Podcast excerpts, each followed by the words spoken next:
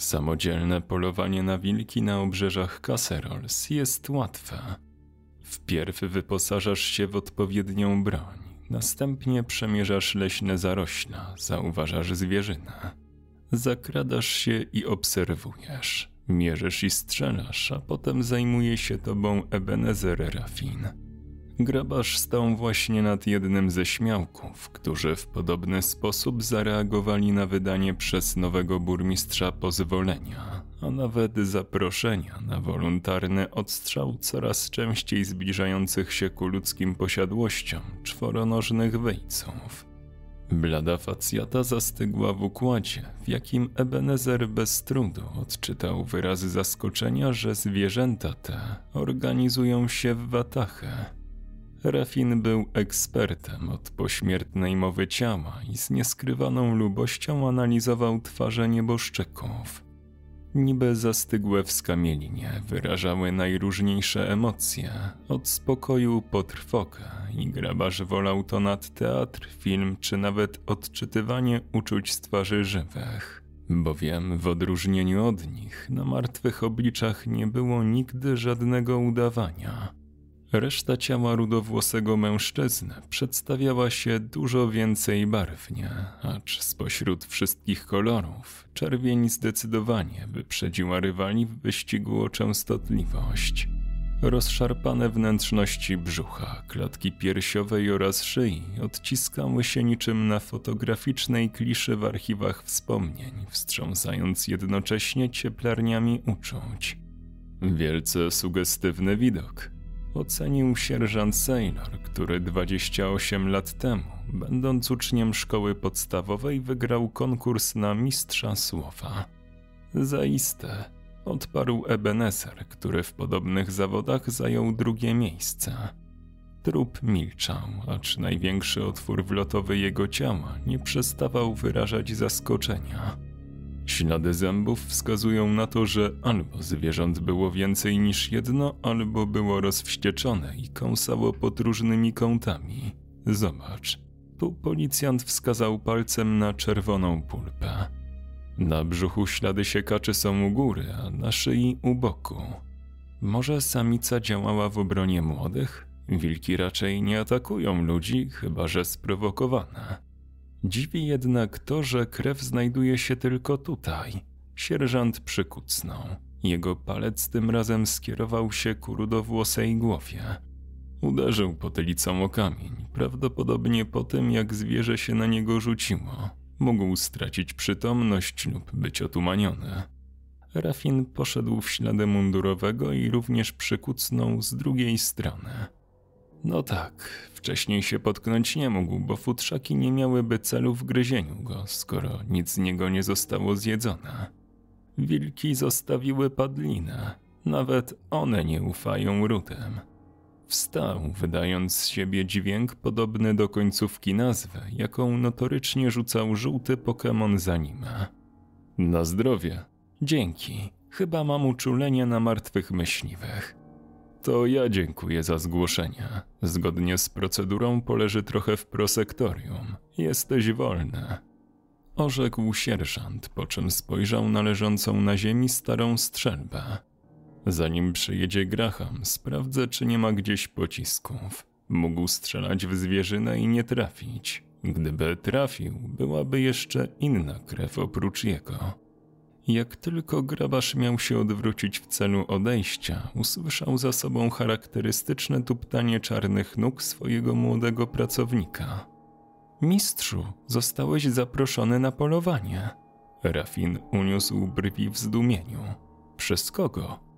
To starszy pan, nazywa się jakoś dziwnie, ale pozwolił mi na siebie mówić profesor. Jest nietutejszy.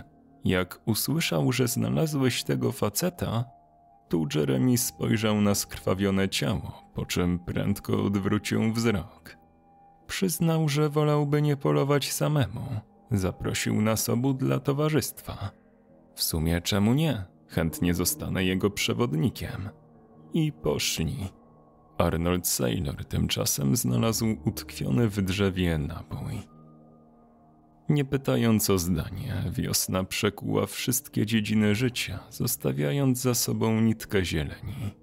Stanowiące niezgłębioną pożywkę dla ludzkiej ciekawości lasy, łączące Caserols z Waterscotch City, przyciągały w tym roku z różnych stron amatorów polowań. Działo się to ku uciesze okolicznych rolników, których gospodarstwa odnotowały ostatnimi czasy ubytki w sztukach hodowlanych zwierząt. O śladach wilczych ków na zagryzionych truchłach kus, krów oraz owiec donosiły media, aż w końcu świeżo upieczony burmistrz ogłosił wielkie otwarcie. Rafin podążał za chłopcem w milczeniu. Postanowił bowiem, że nie będzie mu dokładnie opisywał obecnego wyglądu ich przyszłego klienta, a poza tym widział już w życiu wystarczająco dużo, ażeby często milczeć. W końcu obaj znaleźli się na polnej dróżce, mając przed sobą niewielki samochód terenowy pozbawiony dachu. Za kierownicą siedział starszy mężczyzna. Przedni jeep, bity? Jak śmietana. Aparycja jego stanowiła zagwozdkę dla zwolenników teorii ewolucji, albowiem z wyglądu było mu bliżej do kaktusa niż małpy. Niemodne od lat grube, jasne oprawki okularów budziły z kolei poczucie, że ich nosiciel jest człowiekiem starej daty. I wrażenie to nie mijało się z prawdą na milimetr. Rafin w mig pojął, czemu pozwolił mówić na siebie profesor. Jak dobrze jest się w końcu wyrwać z dużego miasta. Westchnął radośnie senior, prostując pospolicie swe górne kończyny. Kości strzeliły mu jak kapiszony. Dziękuję za przyjęcie zaproszenia. Mam dwie wiatrówki. W zupełności wystarczą. Rzucił w odpowiedzi Rafin, po czym zasiadł na miejscu pasażera obok kierowcy. Jeremy zaś usadowił się z tyłu za swoim pracodawcą. Ebenezer Raffin, a to Jeremy High. Miło mi, młody mi sporo mówił o tobie i o Casserols. Ja nazywam się Luke von Zappa. Przyjechałem z Alacaster. Wyjaśnił profesor, po czym odpalił silnik. Ostatni raz polowałem kilkadziesiąt lat temu z dziadkiem, który tu mieszkał. Jak przeczytałem w gazecie o ogłoszeniu waszego burmistrza, odżyły we mnie wspomnienia. Przyjechałem i kupiłem sprzęt. Taki kaprys. Takie kaprysy z pewnością kosztują. Rzucił Rafin. Jestem jak każdy z was, tylko mam trochę więcej wszystkiego. Odparł tamten z uśmiechem i przycisnął pedał gasu. Jestem teraz na emeryturze.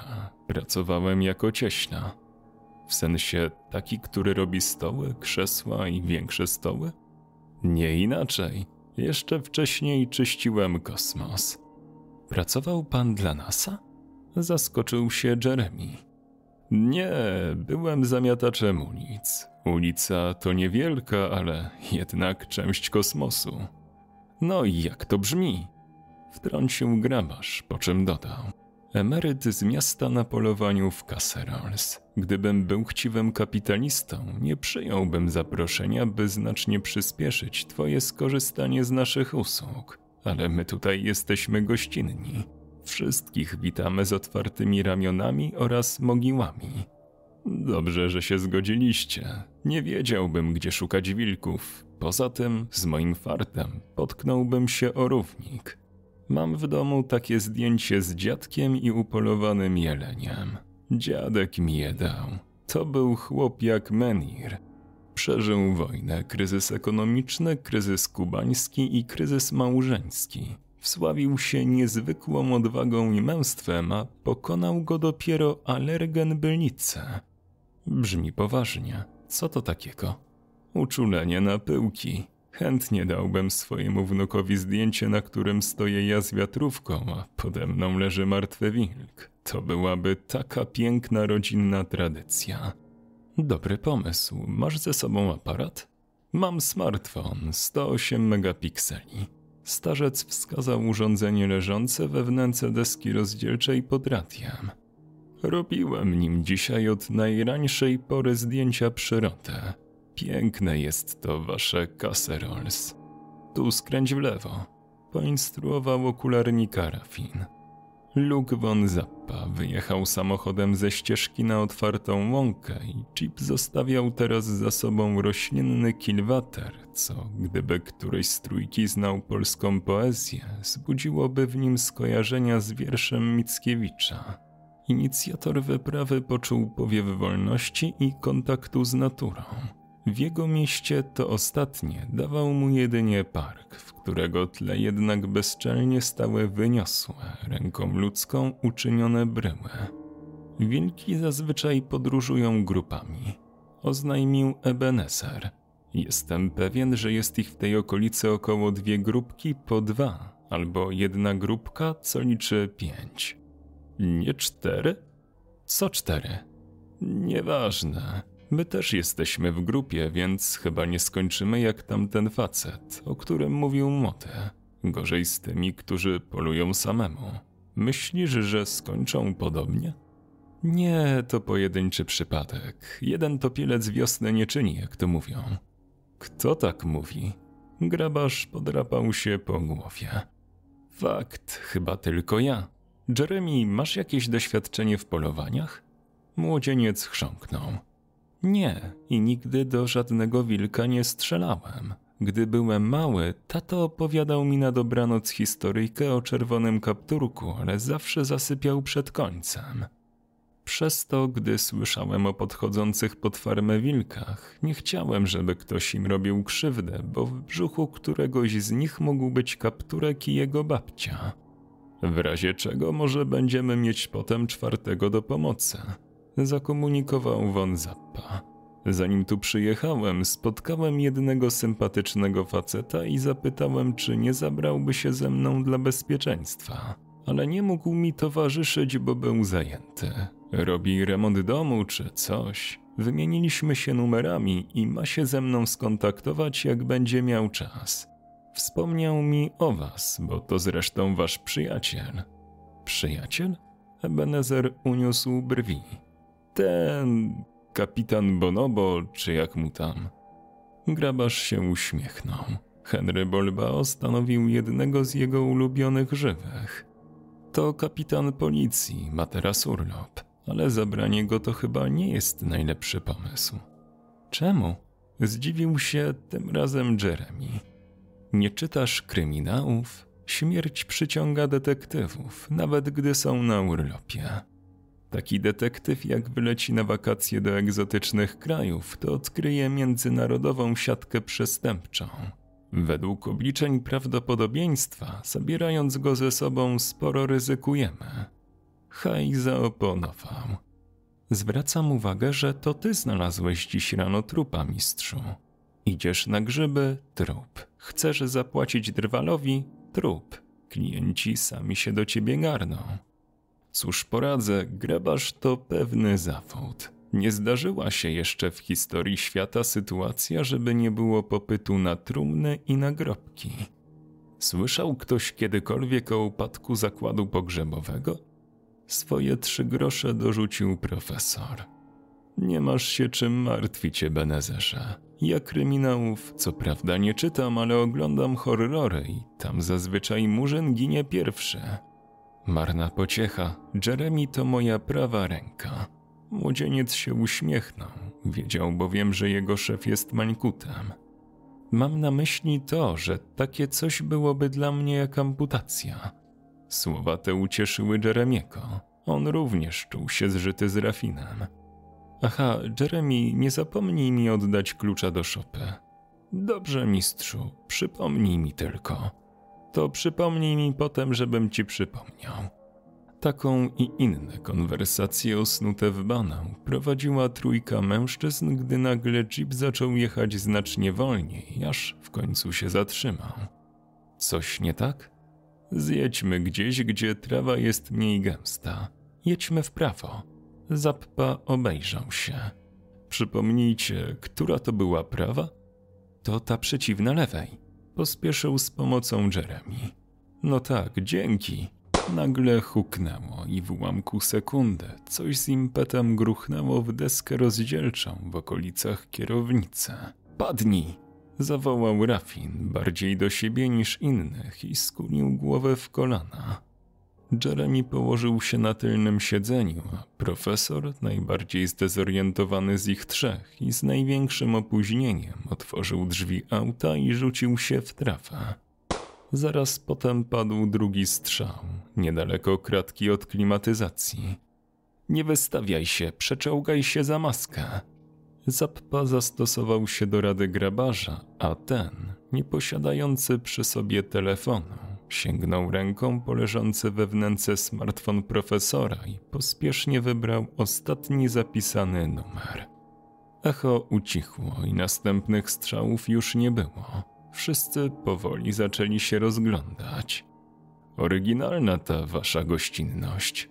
Może to jakiś eksperyment społeczny, zasugerował Jeremy. Ebenezer tymczasem spostrzegł, że łączy się telefonicznie z kapitanem Bolbao. A nie mówiłem? Wystarczyło, że o nim wspomnieliśmy, a już padły strzały. Henry, ubrany niesłużbowo, emanował jakąś świeżością, a każdy jego ruch naznaczony był dziwną, jak gdyby młodzieńczą energią. Kapitan policji w Cacerols miał wprost wypisany na twarzy wiosenny urlop. Wygląda to na nieudaną próbę morderstwa, skonstatował. Arnold rozejrzy się po okolicy. W drodze powrotnej panowie wstąpili do sklepu z bronią, bo właśnie było otwarte. Sklep prowadzony był przez niejakiego Jasona Fowlera. To od niego Luke von Zappa zakupił wczorajszego dnia wiatrówki. To też starca jako jedynego nie zaskoczyła w tymże obiekcie handlowym obecność dużego czarnego labradora. Jeremy przykucnął przy nim, by go pogłaskać. Fajna psina, jak się wabi? Brutus. Chłopak powstał nagle, a Rafin od tej pory starał się nie odwracać do zwierzęcia plecami. Fowler, otoczony pistoletami, karabinami i wszelkim sprzętem związanym z survivalem, robił wrażenie eksperta. Pomagały w tym wiszące na łańcuszku nieduże okulary, dodając mu powagi, a widok ekspedienta przypomniał kapitanowi o istnieniu czapek z naszkiem. Dzień dobry, jak mnie mam, ostatnio u pana spory ruch. Owszem, nie narzekam. Można rzec, że pan burmistrz załatwił mi klientelę. Dzisiejsza śmierć w lesie może ją jednak odstraszyć. Pewnie pan o tym słyszał. Znał pan tego człowieka? Dugoweriego? Tak, ale od dawna nie utrzymywałem z nim kontaktu. Profesor wtrącił. To nie wszystko. Ktoś do mnie dzisiaj strzelał. Kto taki? Nie wiemy. Strzały padły z daleka. Chcieliśmy się zapytać, czy rozpoznaje pan ten napój. Może był to któryś z pańskich niedawnych klientów. Bolbao wyciągnął z kieszeni pocisk, a Fowler odparł fachowo. Mara Sokrow kaliber 4,5 mm. Nie sprzedaje takiej broni ani amunicji. Zresztą nie jest ona sprowadzana od czasu wybuchu wojny na Ukrainie. Może ktoś nierozważnie ćwiczył strzelanie i były to zbłąkane kule. Polecam panom wschodnie tereny Waterscotch City. To daleko i ludzie tam raczej nie jeżdżą, zwłaszcza o wczesnej porze. Oczywiście nie zapewniam udanych łowów. Dziękujemy, skorzystamy z rady. Jak postanowiła majorytetem cała czwórka, z następnego rana wyruszyli jeepem von na polowanie. Tym razem każdy wyposażony w broń i lornetkę. Arnold nie znalazł niczego podejrzanego. Oznajmił Bolbao, ulokowany na przednim miejscu pasażera. Może to jakieś dzieciaki robiły niebezpieczne wygłupy, albo ktoś pijany, albo wariat, bo kto by chciał zamordować emeryta? Podzielił się Ebenezer, siedzący z tyłu obok Jeremiego. Kim byłeś z zawodu? Zapytał kapitan profesora. Cieślą. W sensie takim, który robi krzesła, stoły i większe krzesła? Dokładnie. Moja kariera to jak od pucybuta do emeryta. Ale nudzę się na tej emeryturze, więc chciałem znaleźć sobie jakieś hobby. Bo co mam robić? W wolnych chwilach robić druty, by ktoś inny mógł w wolnych chwilach robić na drutach? A ty, kapitanie, masz jakieś hobby? Henry zastanowił się przez chwilę. Kolekcjonowanie pieniędzy i wymienianie je na przedmioty. Dzielę to hobby z żoną w ten sposób, że ja zajmuję się tym pierwszym, a ona tym drugim. Jak tak o tym pomyślę, to jakoś nie wyobrażam sobie swojej emerytury. Może to dlatego, że nie czuję się jeszcze zmęczony? To chyba ma być czas odpoczynku i cieszenia się swoimi osiągnięciami. Luke pokręcił głową. Spocznę na laurach dopiero, gdy spocznę na wieńcach. Jeremy również się zamyślił. Czyli kapitan będzie na starość wspominał ludzi, których zamknął, mistrz tych, których pochował, a pan profesor krzesła, na których oni wszyscy siedzieli. Ebenezer się roześmiał. Jeremia, co ty będziesz wspominał? Z pewnością tę rozmowę. Ale wcześniej, zanim się zestarzejesz, nie zapomnij mi oddać tego klucza do szopy. Oj, przepraszam, mistrzu. Kierowca zwolnił. Chyba zrobię sobie przerwę na papierosa. Emeryt polujący na wilki, do którego wczoraj strzelano i w dodatku palacz, podchwycił Rafin. Szanse na szybką usługę z naszej strony ponownie wzrosły. Gdybym był chciwym kapitalistą, umówiłbym się z producentami wyrobów tytoniowych, żeby do paczek dodawali moje wizytówki. Zappa chciało coś zapytać, gdy grabarz zareagował jak niedźwiedź wybudzony z gawry w środku zimy. Tam coś się ruszyło. Profesor odpowiedział na to jak pani niedźwiedzica. Wilk? Jak cudownie, jak urodzajnie i zahamował ciut zbyt mocno, co zaowocowało równoczesnym zabujaniem głów na szyjach całej czwórki. Za tamtym krzakiem, wskazał Rafin. Sprawdź to z kapitanem. A ty co będziesz robił? A Sekuwor ubezpieczał tyłę, żeby na mnie nie wybiegł, jak już, e, jakby się wam nie udało. Wszyscy chwycili za wiatrówki, a Mulbao i Kopiną weszli w zarośla, zostawiając pozostałą dwójkę w pogotowiu. Ci czekali, czekali i milczeli. Minęła minuta, a następnie druga. W końcu minęła trzecia. Luke von Zappa opuścił lekko swój karabin. Chmary czarnych jak zwęglone ciało afrykańskiego górnika myśli pojawiały się właśnie na horyzoncie jego głowy. No to tego, jesteś dzisiaj w dobrym humorze? Próbował zagaić rozmowę lekko podenerwowany w celu ich przegonienia. Zwyczajnym, lakonicznie wyraził Jeremy. Mhm, no to ten, to dobrze w sumie, chociaż byłoby lepiej, jakbyś był w lepszym. Tak, myślę, że byłoby lepiej. Minęła czwarta. Zappa kontynuował ale z drugiej strony, jak człowiek ciągle się śmieje, to może zapomnieć o tym, co jest najważniejsze. Mądre słowa, zgodził się młodzieniec. Moja babcia się ciągle śmiała i kiedyś o czymś zapomniała. U początku piątej minuty emerytowany cieśla spojrzał na swego ciemnoskórego towarzysza badawczo. Pokaż, że jesteś prawdziwym mężczyzną. Mam się rozebrać? Chodzi mi o to, że możesz się wykazać i pójść sprawdzić, co tak długo im schodzi. Czemu ja? Bo jesteś młody, a po tym czasie uszli pewnie kawał drogi. To nie na moje żylaki. Ale ja nie umiem strzelać, zaoponował Haj. A jedyne karate, jakie znam, to jest to na stonki. To się nauczysz. Praktyka to najlepsza szkoła. Wpierw musisz dobrze zapoznać się ze swoją bronią. Chłopak podniósł lekko gnata i spojrzał nań. Jeremy powiedział, co rozbawiło starca. Pewnie możesz też ją nazwać, na przykład bronia.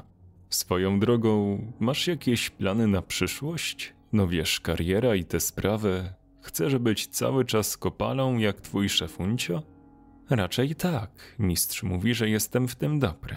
Mam czasem różne pomysły, ale one są dość dziwaczne na przykład wytwórstwo perfum o oryginalnych zapachach. Zapach świeżych bułek z piekarni, zapach starych książek, zapach świeżo skoszonej trawy, zapach benzyny, zapach świeżego wiosennego powietrza. Ten ostatni by się przydał u nas w Alakaster, zwłaszcza jesienią. Nie bez przyczyny miesiąc odpowiadający częściom naszego października i listopada starożytni Izraelici nazywali ból. Po kolejnej chwili niezręcznej ciszy minęła minuta szósta i rezerwuar cierpliwości Luka von Zappy się wyczerpał. Podobnie tematy do rozmów. Bezbrzeżnie głupi lęk mówił mu, że wilk go pożre, jeśli wstąpi w zarośla. Jeśli jednak nie pójdę, wówczas pożre mnie ciekawość.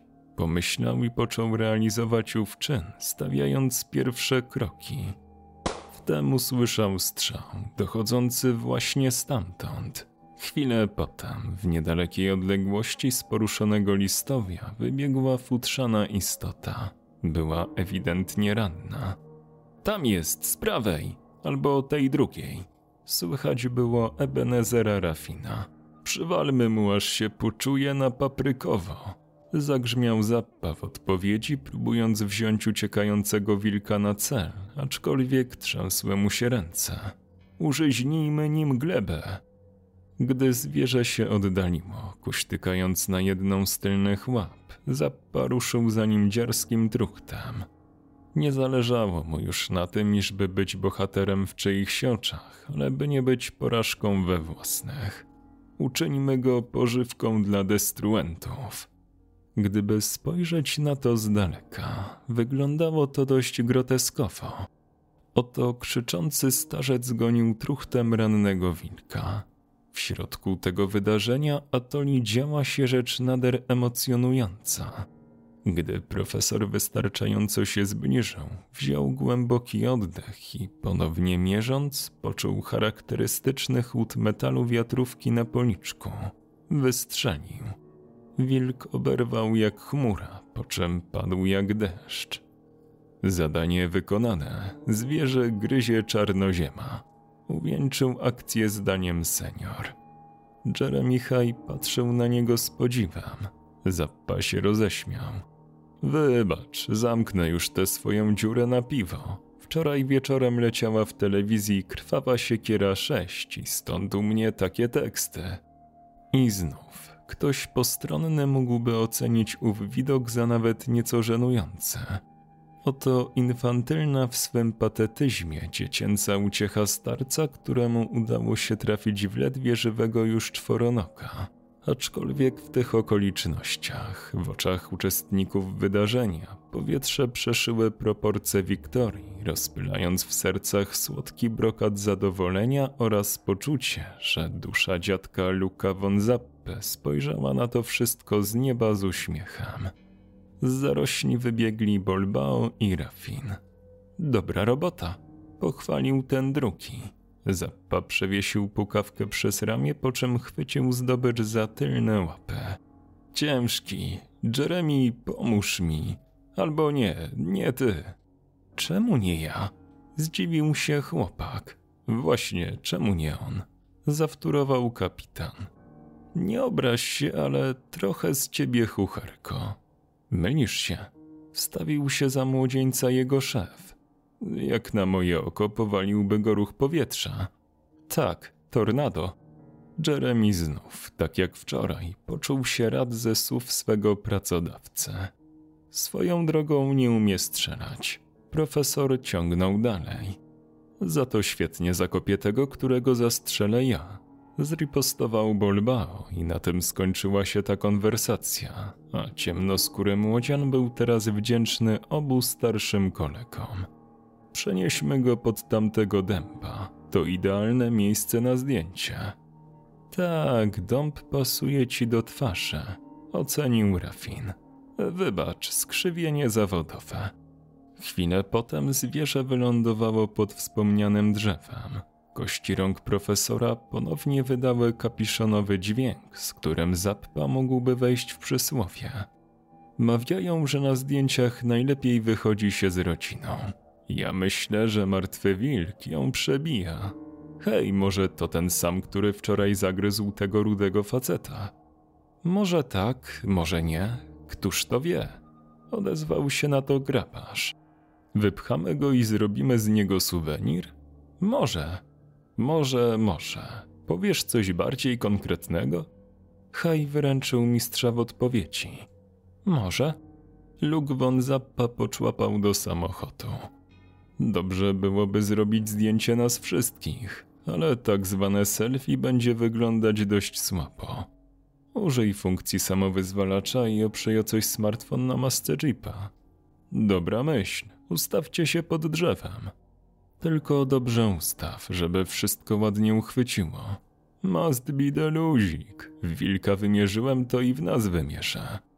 Profesor wsiadł do auta, by wyjąć urządzenie, po czym uniósł je ku górze w celu sprawdzenia, czy gdy postawi je na skrzynce i oprze o przednią szybę pojazdu, aparat uchwyci całą scenę. Rafin przyglądał się tymczasem truchu upolowanego zwierzęcia. Gdybym był chciwym kapitalistą, zaczął, ale przerwał na dźwięk wstrząsającego nerw słuchu huku z broni palnej. W tym samym momencie czerwone krwinki trysnęły na przednią szybę jeepa. Von Zappa chciał krzyknąć dostałem, ale ból okazał się na to zbyt silny.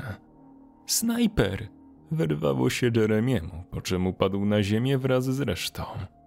Rafin począł się czołgać polaną w stronę samochodu, podczas gdy Bolba obserwował oddalone wzniesienie, skąd padł strzał przez lornetkę. Jesteś cały? Ebenezer wtoczył się do auta od strony pasażera. Zappa siedział pochylony, krwawiąc z dłoni. Kula przeleciała przez telefon i raniła mi rękę.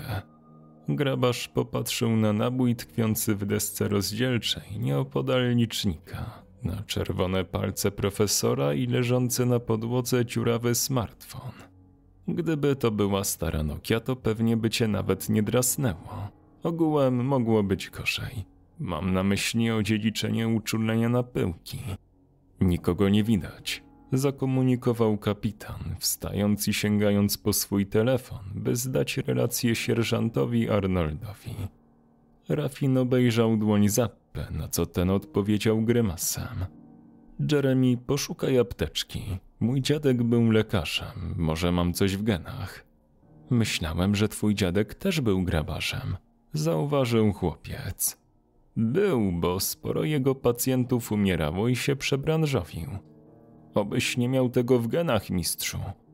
Dyskusja na temat dziadka Ebenezera Rafina przerwał jęk rannego. Zaraz jak to było? Tętno jest. Sprawdzić rany w miejscach witalnych, obrażenia wewnętrzne, sprawdzić czy są złamania. Zappa zasyczał. W takim tempie zdążę zejść ze starości. Gdybym był chciwym kapitalistą, Rafin upomniał przyjaciela policjant. Dobrze, dobrze. Jeremy, najpierw dezynfekcja, potem opatrunek. Przeniesiemy go na tył auta, kapitan pokieruje. Ty siądź obok niego. Tak jest, mistrzu. Kapitan skończył rozmowę z sierżantem Sailorem. Najpierw go załataj, podczas jazdy może trząść. Polecił i wszyscy usiedli we wskazanych miejscach. Ten snajper musiał nas śledzić. Cała ta sprawa śmierci, wysyczał z tyłu Zappa opatrywany przez Rafina. I mówi to mieszkaniec Alagaster. Roześmiał się grabarz, pełniący właśnie funkcję pielęgniarza.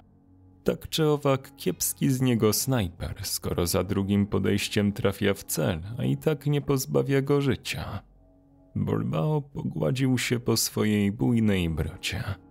Musiał nas cierpliwie obserwować i czekać na dogodny moment. Strzelił, gdy luk nie był w ruchu i był wystawiony. Trafił w rękę. Dlaczego nie strzelał dalej? Jak było za poprzednim razem? Jeremy pospieszył z wyjaśnieniem. Wtedy strzały też padły z tyłu, to znaczy z za tyłu samochodu, i także staliśmy w miejscu. Jak siedzieliście? Mistrz tu gdzie ja, a ja tam, gdzie teraz siedzi pan profesor. Bulbao przyjrzał się podziurawionej desce rozdzielczej. Jeden ślad po kuli niedaleko kierownicy, jeden w pobliżu kratki od klimatyzacji i w końcu świeży pocisk po lewej. Jeremy kontynuował.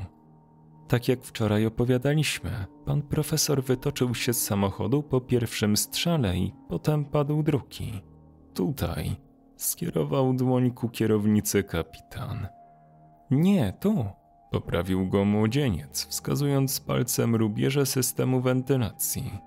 Zaraz, czyli druga kula wylądowała dalej w prawo od miejsca kierowcy niż pierwsza, mimo że po pierwszej kierowca się oddalił w lewo. Bolbao rozejrzał się po wnętrzu jeepa. Może celem nie był kierowca. Z tyłu spośród syknięć opatrywanego zabrzmiał głos Ebenezera. No jak nie był, jak przed chwilą oberwał. Tym razem w aucie nikogo innego nie było. Bolbao nie przestawał się rozglądać po samochodzie. Wyciągnął z wnęki od drzwi kierowcy jakąś ulotkę. Wyjął z kieszeni noszonych na sobie spodni typu cargo długopis i zwrócił się w stronę młodego Heja. Siedziałeś wczoraj z tyłu i wszystko widziałeś. Mógłbyś rozrysować na kartce, jak wyglądało wnętrze auta? Nie pomiń żadnego szczegółu, o jakim pamiętasz. Rafin się nie odezwał, ale w wyobraźni Henry'ego pokręcił właśnie głową. Jeremy rysował, podczas gdy jego pracodawca kończył bandażować rękę von Zappe. Bolbao wodził wzrokiem między śladami po kulach, macał palcami kratkę wentylacyjną i radio. Luke, masz tu coś cennego? Zamiast rannego odezwał się grabarz. Profesor ma bogate wnętrze, Mówię nie tylko o samochodzie. Chodzi mi o jakąś unikatową rzecz. Luke pokręcił głową przecząco. Już, obwieścił finisz Jeremy i wręczył policjantowi rysunek. Zobaczmy. Wszystko wygląda prawie tak samo jak obecnie. Kapitan poczuł na karku oddech Rafina. Ja też skończyłem. Profesorowi się lepsze. Ładny rysunek, chłopcze, ale zapomniałeś o jednym szczególniku. Tutaj w tej wnęce leżał smartfon profesora. Tak, ale potem go wziąłeś, żeby zadzwonić po pomoc. Odezwał się właściciel wspomnianego urządzenia. Młody narysował wszystko, jak wyglądało po strzałach. To znaczy, że snajper przestał strzelać po tym, jak Ebenezer wyjął z wnęki telefon. Upewniał się Bolbao. Pozostali kiwnęli twierdząco. Może się wystraszył, że chcemy powiadomić policję i postanowił zawczasu uciekać. Rzucił sugestię jeden z nich. Gdzie masz ten smartfon? Nie wiem, gdzieś upadł. Siedzący na przedzie przeczesali wzrokiem podłoże i Henry podniósł roztrzaskany przedmiot. Nie działa. Miałeś na nim jakieś delikatne materiały? Nie rozumiem przyznał szczerze Zappa. Podczas wczorajszego ataku smartfon leżał tutaj w tej wnęce.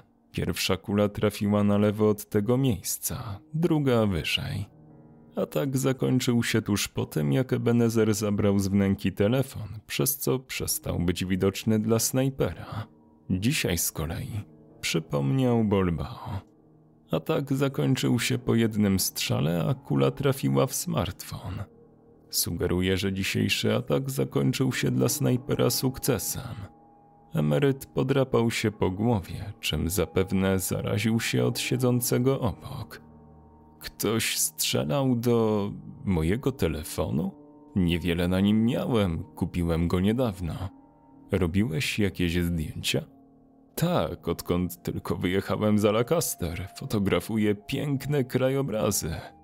Może nieświadomie uchwyciłeś coś kompromitującego, zasugerował funkcjonariusz. Teraz się już tego raczej nie dowiemy. Rzucił Rafin, wpatrzony w dziurę w urządzeniu. Co prawda, pomogłeś mi się z tego wygrzebać, ale błagam cię, nie zostawaj lekarzem. Dla dobra społeczeństwa powiedział do Ebenezera Luke von Zappa, wchodząc przed nim do komisariatu. Jasna sprawa. Zostanę w zawodzie, w którym jestem i będę nadal zajmował się ludźmi po ich wizytach u gorszych lekarzy. Henry Bolbao rozmawiał o czymś z sierżantem Saylorem, a za nimi przy komputerze pracowała Ivy Dowsey, policyjna informatek. Mam dla pana dwie wiadomości – oznajmiła swym łagodnym głosem na powitanie profesora. Pierwsza brzmi tak, że telefon nie działa i jest nie do naprawienia. Dotyczy to tak baterii, jak i karty SIM. Nihil nowi pod słońcem jest przedziurawiony na wylot. Jaka jest druga?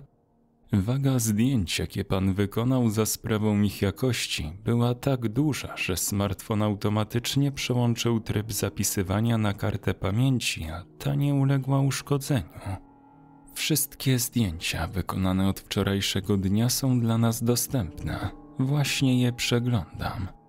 Wszyscy stanęli za Dawsi w skupieniu wgapieni w monitor komputera. Po chwili dołączył do nich Bolbao. Urlop, nie urlop. Strzelano w mojej obecności, więc zajmę się tą sprawą. Oznajmił, po czym natychmiast dorzucił. Stop, cofnij. Lewy górny róg. Daj zbliżenia. Niewielki piksel począł przybierać coraz większe rozmiary. Rafin przypomniał sobie w tym momencie o umówionej wizycie u okulisty. To ten rudy facet zagryziony przez wilki. Spostrzegł Jeremy. Skąd wiesz, że to on? Bo jest rudy, idzie lasem i ma przy sobie strzelbę. No tak, raczej małe szanse, by był to ktoś inny. Marco Dugoweri przypomniał sobie nazwisko kapitan. O której godzinie wykonano zdjęcie? Dawsi wykonała kilka następujących po sobie kliknięć i odparła. O 6.23 rano. Znalazłem go martwego jakieś dwie godziny później. Obliczył grabarz. Naprawdę dobry ten aparat. Widzi więcej ode mnie. Gdy robiłem zdjęcia, nie zauważyłem tego człowieka. Ivy Dawsi przesunęła analizowaną fotografię. Tu widać jeszcze jedną osobę w ubraniu w kolorze malachitowym. Słucham? Po waszemu to będzie zielone. Wszyscy zbliżyli odruchowo głowy do monitora. Tak, czyli Dugoweri nie był sam, skonstatował Bolbao. Ten drugi mężczyzna mógł spostrzec Luka robiącego zdjęcia i postanowił zniszczyć dowód swojej obecności. Pewnie gdyby nie próbował go zniszczyć, nigdy byśmy się nie dowiedzieli, że tam w ogóle był. Wszystko dzięki automatycznemu przełączaniu zapisywania plików na kartę pamięci, oznajmiła Ivy. Na reszcie zachowanych zdjęć nie znalazłam niczego podejrzanego. No dobrze, odezwał się Zappa. Proszę mi powiedzieć, czy dobrze to rozumiem. Dwóch facetów poszło na polowanie. Jednego zaatakowały wilki, a drugi mu nie pomógł, ale stchórzył i uciekł. Oberwałem od niego w rękę dlatego, że trzymałem w niej świadka jego obecności przy tym rudym, Dugowerim, przypomniał kapitan. Może podjął Ebenezer. Osoba ta jest dość znana i boi się utraty renomy. Pomyślcie sobie, gdyby to był jakiś polityk i media ogłosiłyby wszemi wobec, że zostawił umierającego kolegę, Jeremy, na co tak patrzysz? Czarnoskóry młodzieniec nie przestawiał wlepiać oczu w monitor. Ten drugi wygląda jak ten sprzedawca broni wypowiedział po cichu, czyniąc z ekranu kolejny raz lądowisko dla dziesięciorga oczu. Jason Fowler? Faktycznie podobny, ocenił Rafin, ale trudno to stwierdzić ze stuprocentową pewnością. Jak tak teraz o tym myślę, to on jako jedyny wiedział, dokąd się dzisiaj udamy. Sam nam wczoraj zaproponował tamto miejsce. Bolbao pogładził się po brocie. Cóż, on nie jest raczej popularną i renomowaną osobą. Co prawda za nieudzielenie pomocy jest przewidziana nagroda do trzech lat darmowych obiadków, ale bezpośrednie zagrożenie własnego życia uchodzi za co najmniej okoliczność łagodzącą. Najwyżej Fowlera czekałaby czarna pleśń i czarna kawa na krótki czas. Czy jednak ryzykowałby dużo większą karę strzelając do telefonu, raniąc przy tym jego właściciela? Poza tym, jeśli wilk, czy też grupa wilków rzuca się na jednego, to czemu miałaby nie rzucić się na drugiego? A jeśli było to planowane morderstwo, to przecież Fowler nie wytresowałby wilka. Wszyscy się zamyślili i słychać było tylko uruchomiony komputer, głos rozmawiającego przez telefon sierżanta w sąsiednim pomieszczeniu oraz przelatującą z parapetu na kosz na śmieci mucha. Brutus! wykrzyknął Jeremy, a Rafin odruchowo obejrzał się za siebie. W pamięci męskiej części obecnych pojawił się czarny pysk labradora. Bolbao udzielił jednak studzącej zapał młodziana rzeczowej odpowiedzi, informując, że psy mają mniejsze zęby od wilków, o czym z pewnością wie koroner, który natychmiast powiadomiłby o jakiejkolwiek rewelacji w tym temacie. Jeżeli Fowler to wasz jedyny podejrzany, to przydałoby się zdjęcie porównawcze. Zaproponowała Ivy Dowsey. Komputer obliczyłby podobieństwo zarysów twarzy, kształtu nosa i tak dalej. Panie von Zappa, otrzyma pan nowy smartfon na koszt policji. Dziękuję bardzo. Ebenezer nachylił się lekko ku uchu swego pracownika. Na koszt policji, czyli z naszych podatków.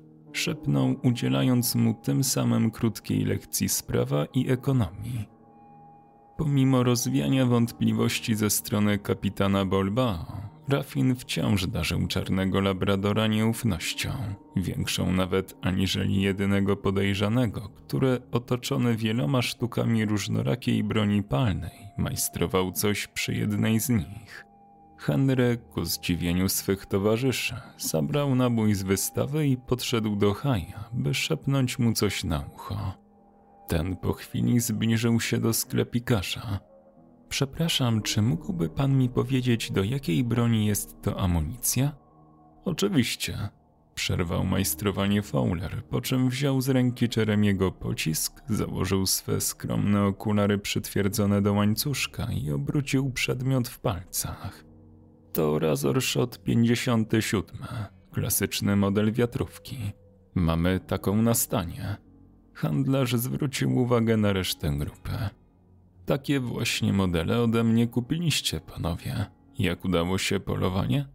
Ustrzeliłem jednego wilka, przyznał Von Zappa. To on pana tak urządził? spytał Fowler, zerknąwszy na obandażowaną dłoń klienta. Nie, ponownie zostałem zaatakowany. Mówił pan, że w tamtym miejscu kręci się niewiele osób. Przepraszam, jeśli niechcący przyczyniłem się do pańskiej rany. Nie mam pojęcia, kto mógłby uczynić coś takiego. Czy polecał pan jeszcze komuś tę miejscówkę? Możliwe, że komuś o niej wspomniałem, ale nie pamiętam wszystkich swoich klientów. Przykro mi, że nie mogę panom bardziej pomóc. Gdy czterej świeżo upieczeni łowcy opuścili przybytek militariów i oddalili się na pewną odległość, Bolbao rzekł – to zapewne on. Gdy podczas naszej wczorajszej wizyty pokazałem mu nabój do sprawdzenia, on tylko na niego rzucił okiem i natychmiast podał nazwę broni, dodając, iż takowej nie sprzedaje. Dzisiaj, gdy Jeremy dał mu pocisk z jego własnej wystawy, aby zidentyfikować amunicję do klasycznej broni, musiał założyć okulary i przyjrzeć się jej z bliska. Dlaczego? Myślę, że powodem jest fakt, iż wczoraj powiedzieliśmy mu, skąd ołów pochodzi, jeszcze zanim go wyjąłem z kieszeni. Mianowicie z broni, z której ktoś strzelał do Luka. Fowler wiedział z jakiej bez założenia okularów i sprawdzenia, bo pewnie to on jej uszył. Luke, zrobiłeś mu zdjęcie? Tak, lewy profil. Doskonale. Prześnij je Iwi. Ja powiem Arnoldowi, by sprawdził, co łączyło, czy może raczej dzieliło Fowlera z Dugoverim.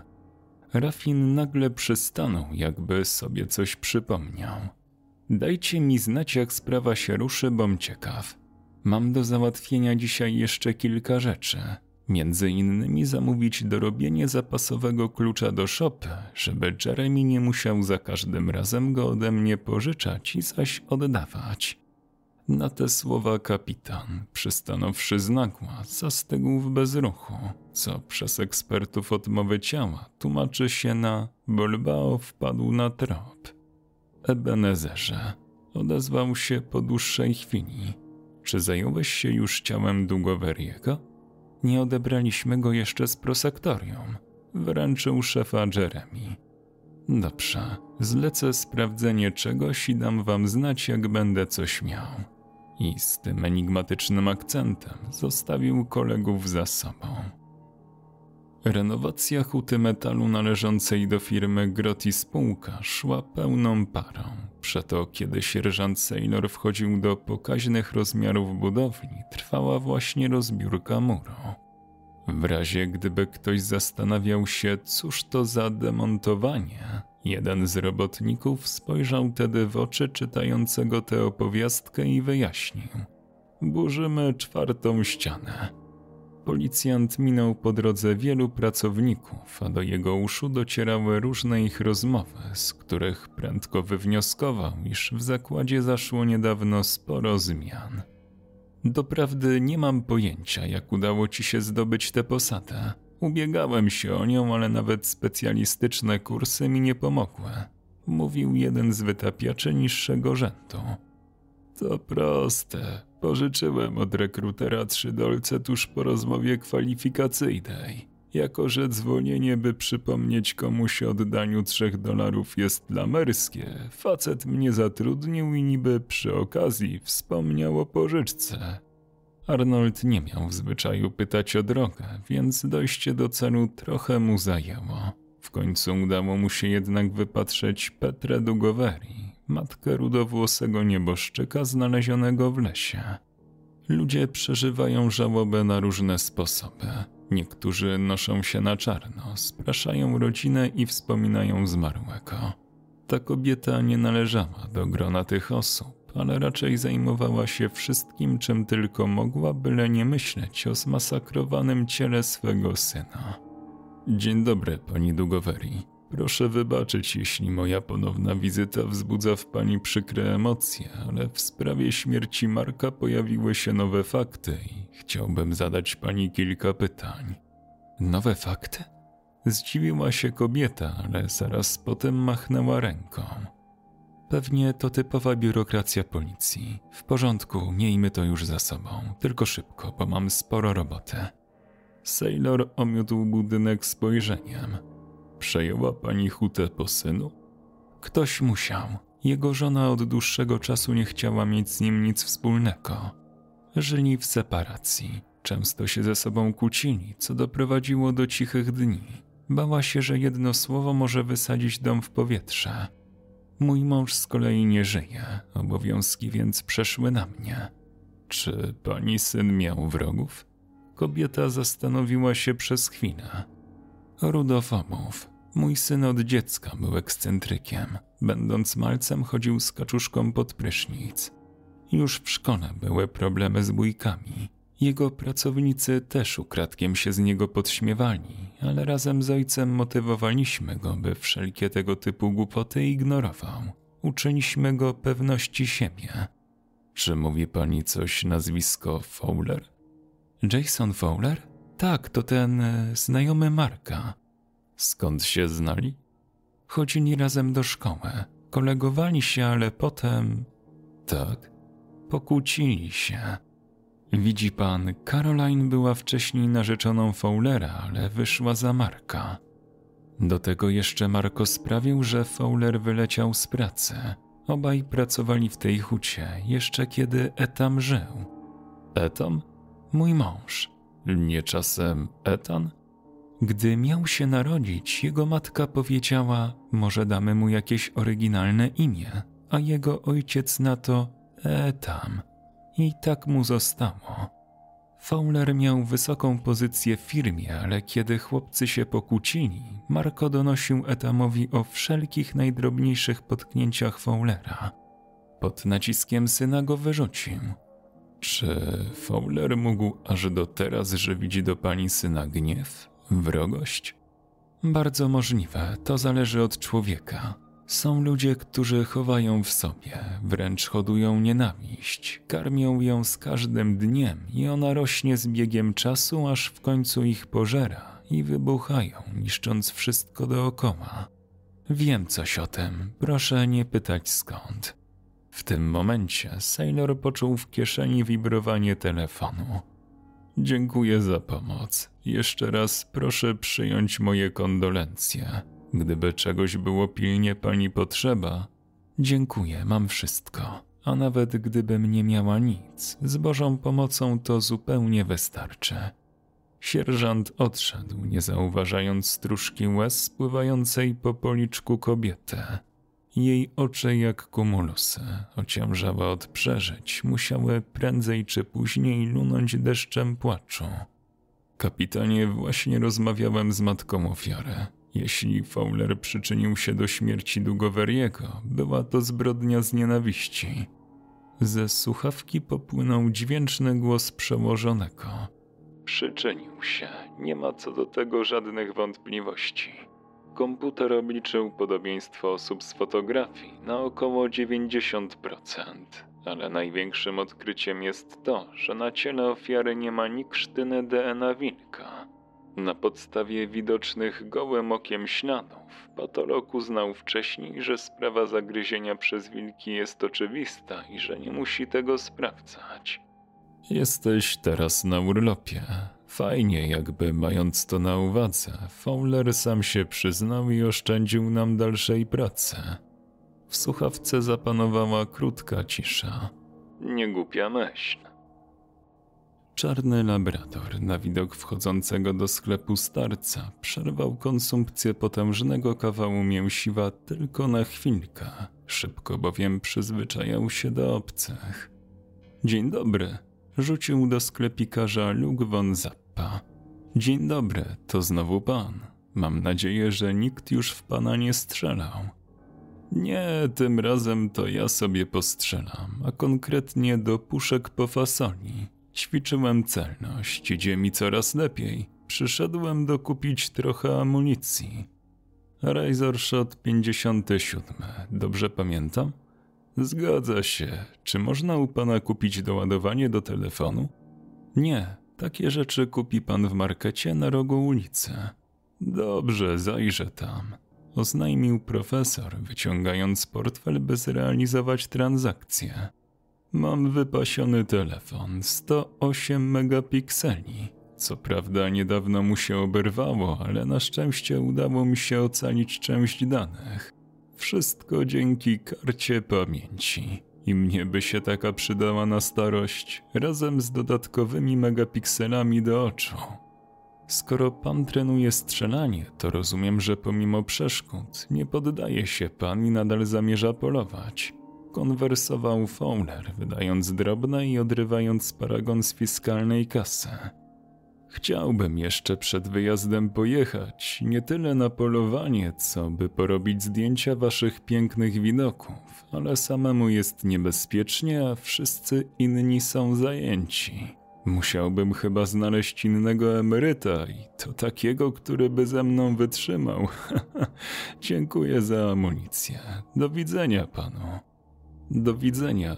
Proszę pana, jeśli pan chce, mogę panu towarzyszyć. Jest pan naszym gościem i był pan moim częstym klientem, a z powodu przykrości, jakie panu nas napotkał, czuję się trochę winny. Oferuję panu zapewnienie bezpieczeństwa, by w spokoju wykonał pan fotografię. Dzięki temu może, gdy wróci pan do domu, o Cacerols nie wspomni pan głównie w kontekście nabytej turany postrzałowej. Dziękuję, to miłe z pana strony, o której kończy pan pracę?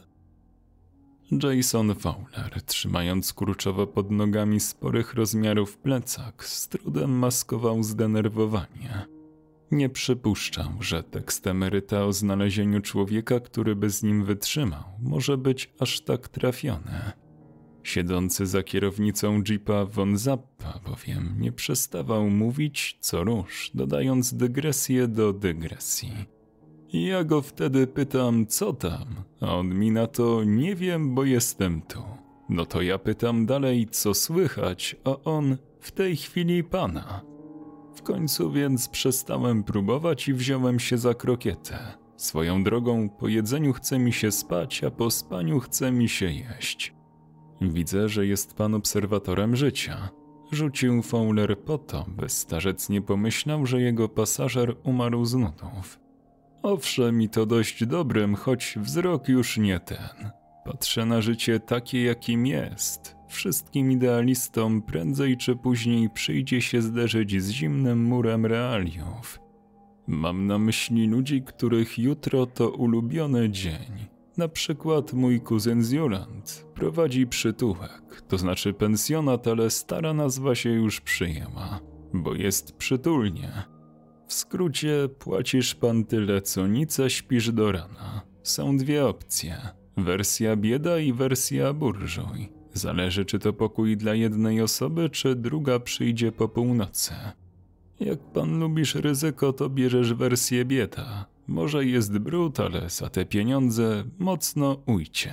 Jakby pan przejeżdżał tamtędy, to polecam, choć okolica może się wydawać niebezpieczna. Tylko proszę, gdy pójdzie pan spać, zastawić drzwi krzesłem. Tak, wie pan, w razie czego. Ma pan moje słowo, że w nocy nikt nie udusi pana poduszką. Nie składam tego na piśmie. Jakby pan został okradziony albo oblazły pana wszy, czy ktoś groził panu śmiercią, to proszę jednak pamiętać, że oni tam nie przyjmują reklamacji. Ale poza tym, wszystko w jak najlepszym porządku. Poważny, czysty biznes, zero rozbojów na terenie posiadłości. Od tego jest podwórze. Fowler nie przypuszczał dotychczas, że umysł może boleć i począł z nudów nadawać nowe nazwy owocom. Żona tego kuzyna Marietta zmarła śmiercią brylokową, że się posłużę branżowym żargonem grabaszy. W sensie powiesiła się. Kuzyn to mocno przeszył. Nie sądziłem, że śmierć może tak skomplikować życie. Ale on mieszka w Joland, ludzie tam padają jak deszcz, do tego to jak kraj kwitnącej korupcji. Bogaci nie potrafią wyobrazić sobie bietę, mogą co najwyżej kupić przewodnika po snamsach. To tak jak z pracą. Pracownik fizyczny myśli sobie o pracy umysłowej. Łatwa robota to tylko siedzenie w biurze. Nie zdaje sobie sprawy z tego, jak my, ludzie, nie lubimy myśleć. Pracownik intelektualny tymczasem myśli sobie o pracy fizycznej. Łatwa robota, wystarczy wykonywać ciągle te same ruchy jak robot, jakby ciało działało na popych. Gdy Fowler miał przejść do warzyw, spostrzegł wysokiego dęba i stojącą w pobliżu stertę kamieni. Panie Zappa, proszę spojrzeć na ten piękny widok. Hm? O tak, rzeczywiście. Pozwoli pan, że przerwę swój wywód i zrobię kilka zdjęć. Może pan przy okazji rozprostować nogi. Zappa wziął swój nowy, otrzymany od policji smartfon, po czym opuścił wehikuł. Fowler po chwili również wyszedł i założył sobie plecak. Zbliżał się do sterty kamieni, podczas gdy senior stał odwrócony do niego tyłem z wyciągniętym przed siebie aparatem i mimo wcześniejszej zapowiedzi kontynuował swoje opowieści dziwnej treści. W ogóle wie pan, panie Fowler, ludzie z Juland są dość tajemnicze. Kiedyś, jak odwiedzałem tego kuzyna, o którym panu mówiłem, to jeden chciał ode mnie 10 centów. Chyba jakiś żebrak. W każdym razie ja lubię poznać człowieka, porozmawiać z nim. Pytam go więc, pańska godność, a on mi na to zachowana. Rzuć to na ziemię. Rozległ się krzyk z oddali.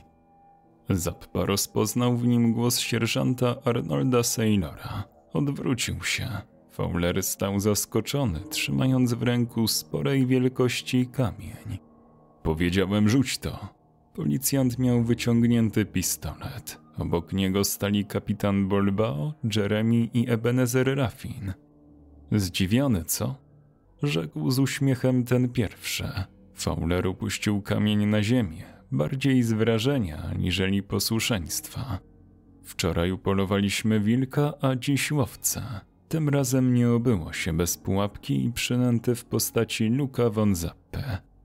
Do usług, kapitanie, Ukłonił się lekko wspomniany starzec.